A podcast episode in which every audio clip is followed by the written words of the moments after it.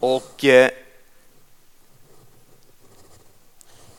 ja, den här, vi har ju bön här i januari. Och locka er, för det är en relation med Gud. Bön är inte tråkigt, det är liv. Jag hörde här i veckan, teologi betyder bön med Gud. Och det gillar jag. Bön med Gud. Han vill att vi tillsammans med honom ber ner hans vilja och han bjuder in oss i den relationen. Så min första punkt det är just det här med relationen. För Jesus han bad. Läser man evangelierna så står det han gjorde under mäktiga saker. Sen är Markus 1 och 35. På kvällen där då kom det liksom hela staden eller byn var i rörelse. För han gjorde mäktiga under, demoner, fly, eh, människor vart befriade. Tidigt på morgonen nästa dag, då gick Jesus iväg och han bad till Gud. Och han sökte Faderns vilja. Sedan kom han tillbaks dit och då har de andra vaknat upp och säger följ med, vi ska fortsätta och köra på här nu. Vad sa Jesus då? Nej, jag ska gå till andra byar. De måste också få höra. Det var någonting som är otroligt viktigt för Herren Jesus Kristus. Att göra det som låg på Faderns vilja hela tiden. Att söka hans ansikte. Det står väldigt tydligt i Johannes 5 och 19. Han är just helat en man i Betsaida. Han var i lam i 38 år och han precis blivit frisk. Och de var på han fariséerna. Ajabaja, du får inte bära din bädd. Ajabaja. Den här mannen har ju varit sjuk i 38 år och nu på sabbaten bar han sin bädd och det var det som var fel. Och vad är det Jesus säger i Johannes där? Min fader verkar ännu i denna stund. Därför verkar också jag. Och när jag bön med Jesus, det är liksom tona in med Kristus. Att vi får göra tjänst. Vi är inte Jesus, absolut inte. Men han bjuder in oss som sin församling att tona in oss och be ner hans vilja.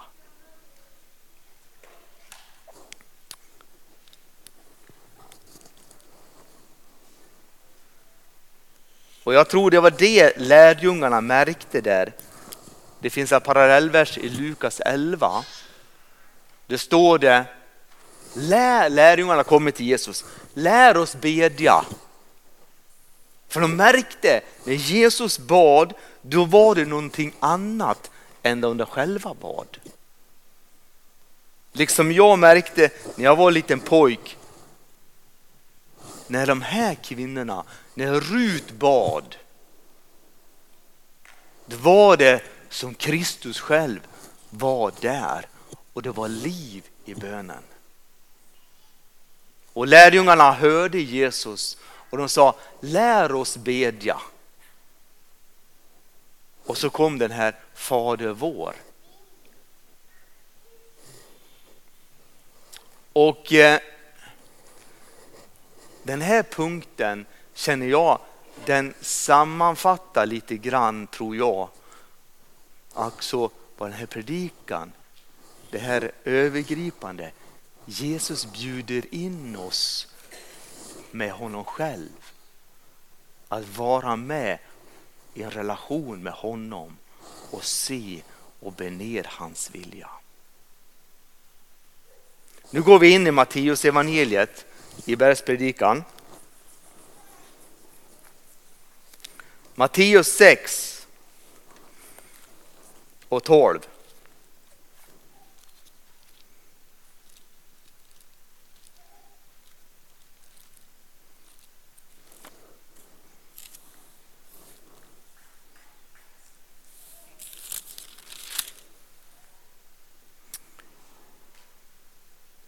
De andra verserna har ju Björn hanterat.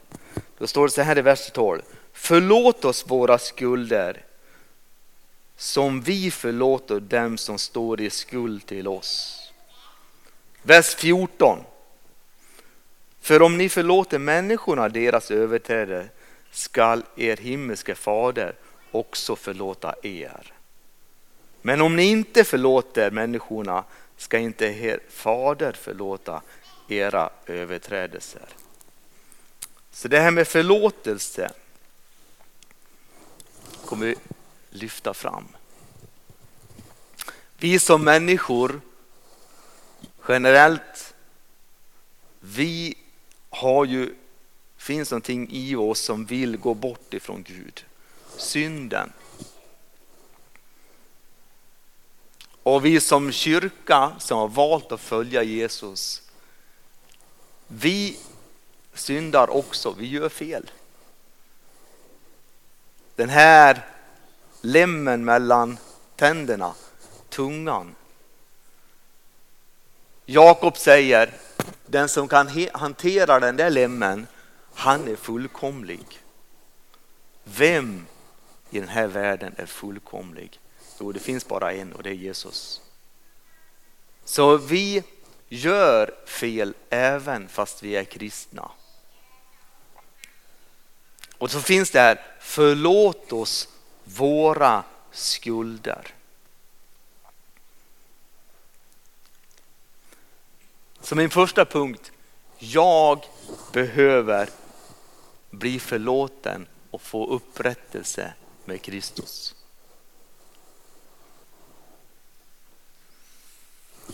Att vandra med Kristus, det är att Herre, var med mig. Förlåt min synd idag. Förlåt det jag sa. Jag var lite självisk i den där när jag gjorde det där. Förlåt mig.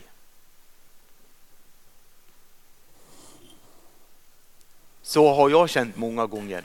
Ja, det där vart väl inte riktigt rätt det där. Förlåt mig Gud. Och så får jag säga förlåt mig Volda. Och när jag gjort fel mot mina barn, förlåt mig Kristina eller Lisa. Eller någon annan. Och vad är det då som händer? Jo, jag får förlåtelse. Johannes, han lyfter det på ett väldigt bra sätt, tycker jag, i första Johannes 1 och 7.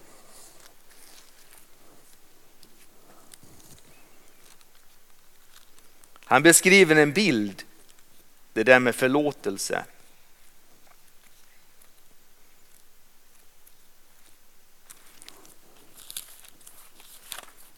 Han beskriver det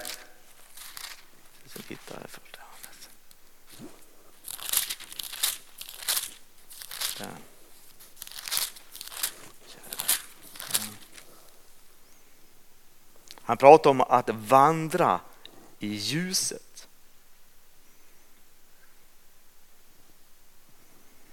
Det står Gud är ljus och det finns ingen mörker i honom, vers 5b. Men om vi säger ha gemenskap med honom och vandrar i mörkret, ljuset eh, ger vi och handlar inte efter sanningen. Vers 7.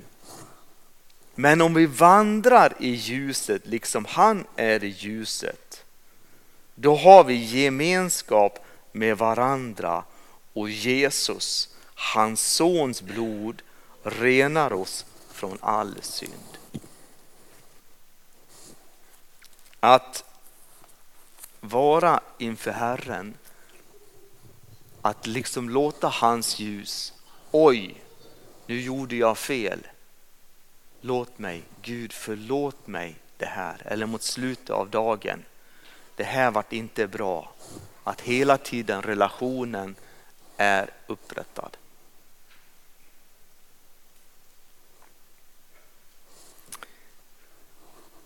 Jag har varit i Jemen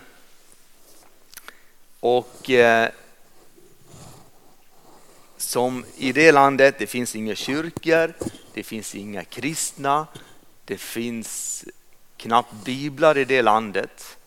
Men som OM-team, då hade vi så här, ja men vi kan vara incountable, vad säger man, förtroende, man kan ha, det är någon person som man kan vara väldigt ärlig och uppriktig mot och berätta precis som det är.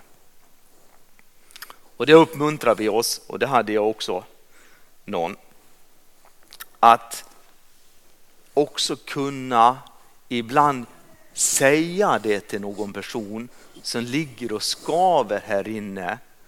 Att inte bara Gud förlåt mig utan också säga det till en levande person. Det här har jag gjort, det här har jag tänkt. Och jag vill bekänna det inför Gud så han kan förlåta mig. Och jag tyckte det var faktiskt väldigt bra för det fanns knappt någon kyrka eller någon person man kan prata med där. Men det fanns det någon team, okej, okay.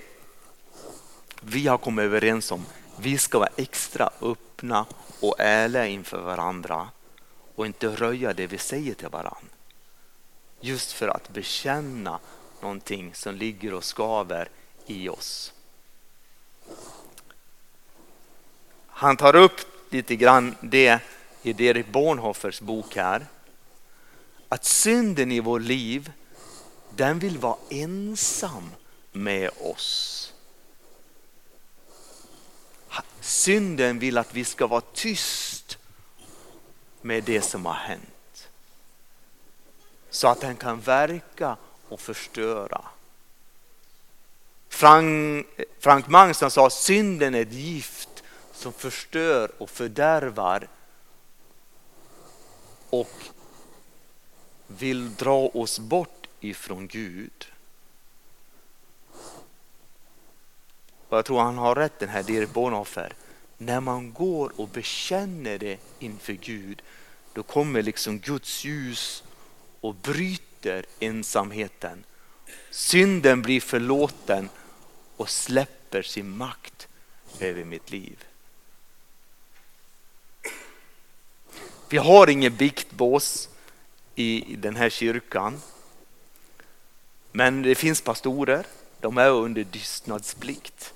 Det betyder att jag, jag och Björn, vi måste vara tyst med det vi hör när vi är i speciella rum. Jag tror att Björn har tystnadsrätt, han kan vara tyst i rätten till och med. Och det är just för att människor ska kunna lätta sina samveten inför en annan person. Och det är det vad Bibeln talar. Bekänn därför era synder för varandra så han kan förlåta. Bikten är en gåva till människor just för att relationen med Gud och med mig ska bli upprättad.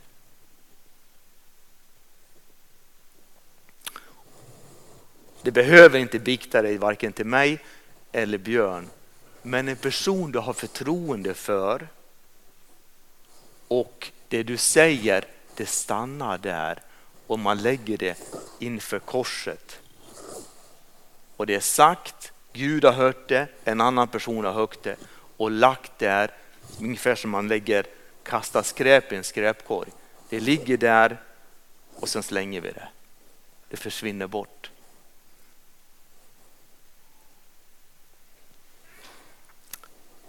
Just för att synden, när den, den vill förstöra, men blir det bekänt, då kommer ljuset och bryter dess makt och man kommer upp i relationen med Gud. Förlåt oss våra skulder. Förlåt oss våra skulder. Herren Jesus Kristus, han vill förlåta oss. Och när vi kommer med vår skuld till honom, då säger vi Ja, förlåt mig. Ja, jag vill förlåta dig. B-delen i den här, nu går vi tillbaks till Matteus. Liksom han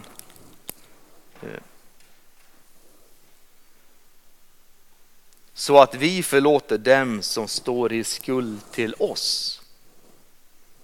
Om jaget har varit fokus i A-delen så är du ett fokus i B-delen.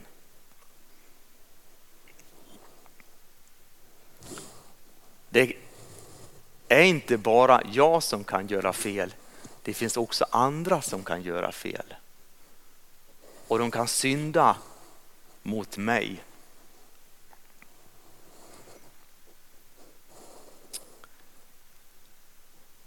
Jesus tar upp det där i en berättelse.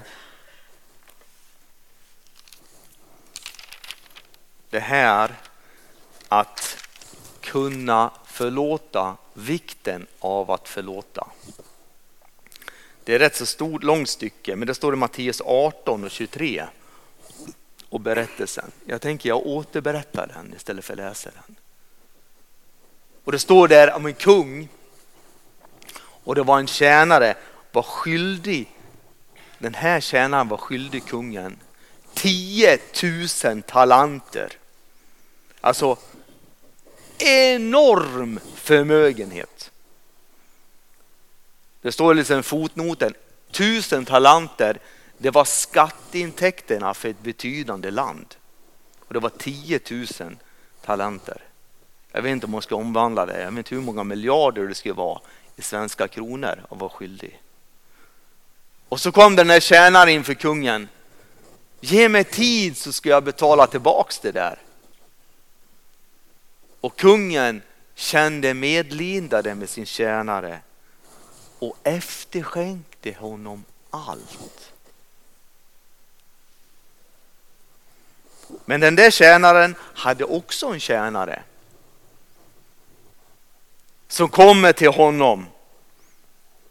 Och den här tjänaren, han var bara hungrig hundra denarer, tre månadslöner. Ja, det är ju rätt så rejäl summa också.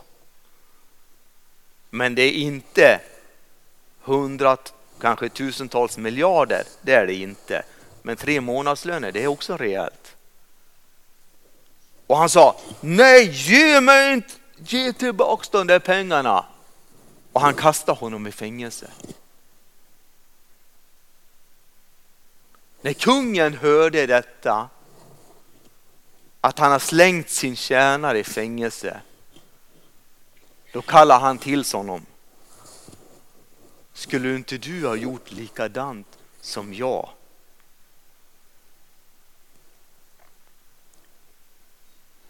Och han slängde honom i fängelse står det. Och det ska han betala.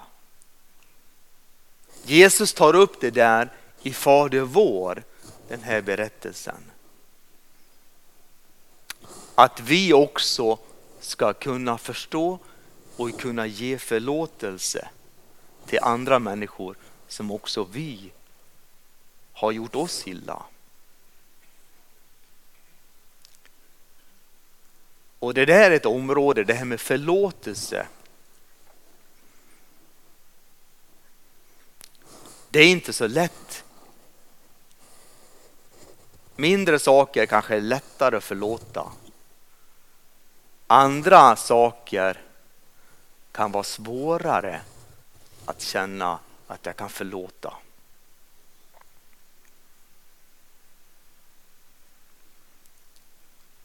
Om jag ska göra något exempel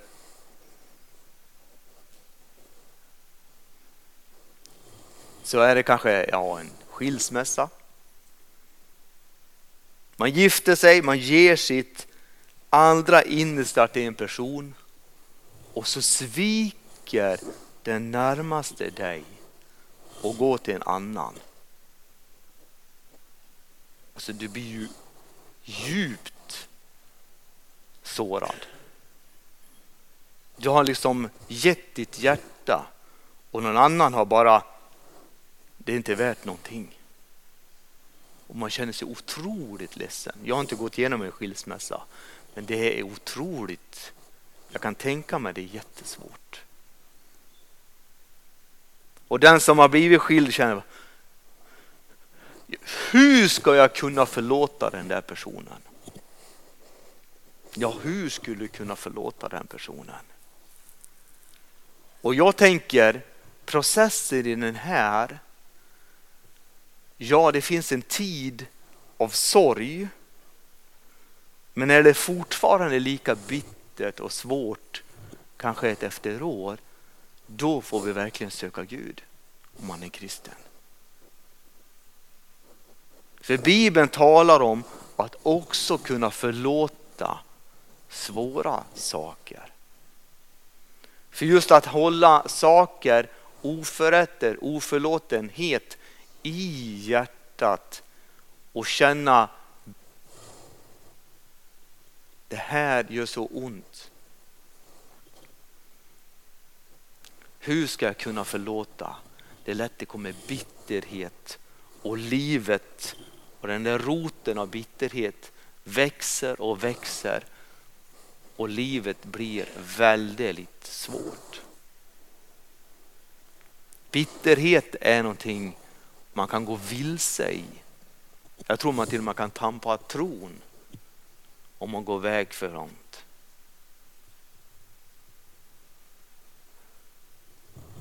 Jag skulle säga en sån situation till den personen, jag skulle vägleda den. Ta och titta på texterna till korsfästeltexterna och ha samtal med Jesus där. När du säger jag kan inte förlåta det här. Jag kan inte förlåta det. Och så tar du ett samtal i bibelmeditation, i evangelietexterna och så pratar du med Jesus. Och se vad han säger om den saken.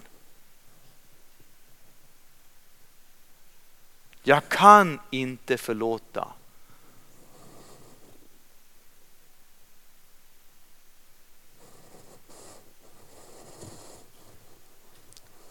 I den här situationen, vi har någonting i våra människor som Gud har otroligt respekt för. Och det är vår vilja. Jag har fått en vilja. Och då kan man säga, jag känner inte att jag vill förlåta, men ditt ord säger jag ska förlåta. Därför vill jag förlåta den här personen som har gjort mig så illa.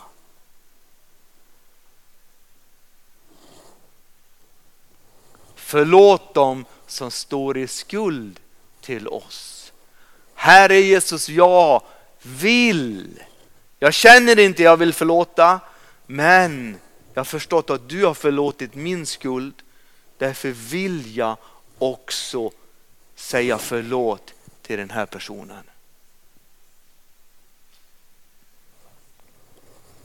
När jag var ute i tjänst i Jemen, jag tror det var 2003 någonting, då hörde jag en berättelse. Det var nygift par. De jobbade som missionärer i Kina, i, i Palest ja, Mellanöstern någonstans. Hon jobbar som eh, barnsköterska och hjälpte mammor i, i graviditeten och allt det här och, och, och var ju missionär. Säkert vittna för sina patienter. Och en dag händer det det hemska. En man kommer dit och bara puff, puff, puff, fyller henne med bly. Och mannen blir ju helt förkrossad, de är nygifta. Och de berättar under hans begravning, de begravde hans fru där. så profeterar de, eller vi sa så här, nu får du bestämma hur du ska göra. Vill du förlåta eller vill du gå in i bitterhet? Och han valde, även fast han säkert inte ville, att förlåta gärningsmannen. För just det här med förlåtelse, det händer någonting. Det händer någonting som man nästan inte kan förstå eller förklara. Det här jobbiga, svåra som man knappt kan bära släpper sitt grepp. Kanske inte direkt, men sakta men säkert släpper sitt grepp över en och man börjar bli mer fri.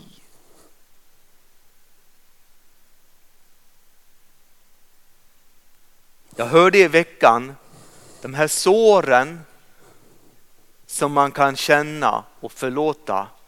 Ja, men är det svårt att förlåta, men håll såret rent då, för då läker det fortare. Och jag tycker det är faktiskt väldigt bra, goda ord. Att hålla det rent. Jag vill förlåta Gud. Det gör fortfarande ont. Det är ett sår, det är ett öppet sår, men jag vill förlåta. Låt det läka. Låt min själs sår läka.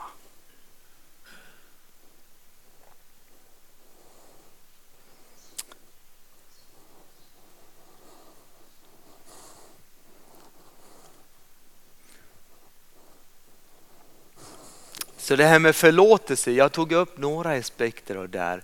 Att förlåta de som står i skuld till oss. Och jag skulle vilja säga, fusion, det är kanske inte den lättaste vägen. Men det är den rätta vägen att förlåta även om det kan vara svårt. Och vi är en församling, Korskyrkan, vi kan ta hjälp. Vi har förbönsteam. Och man kan dela det som ligger på hjärtat. Jag har svårt med det här. Hjälp mig, be för mig.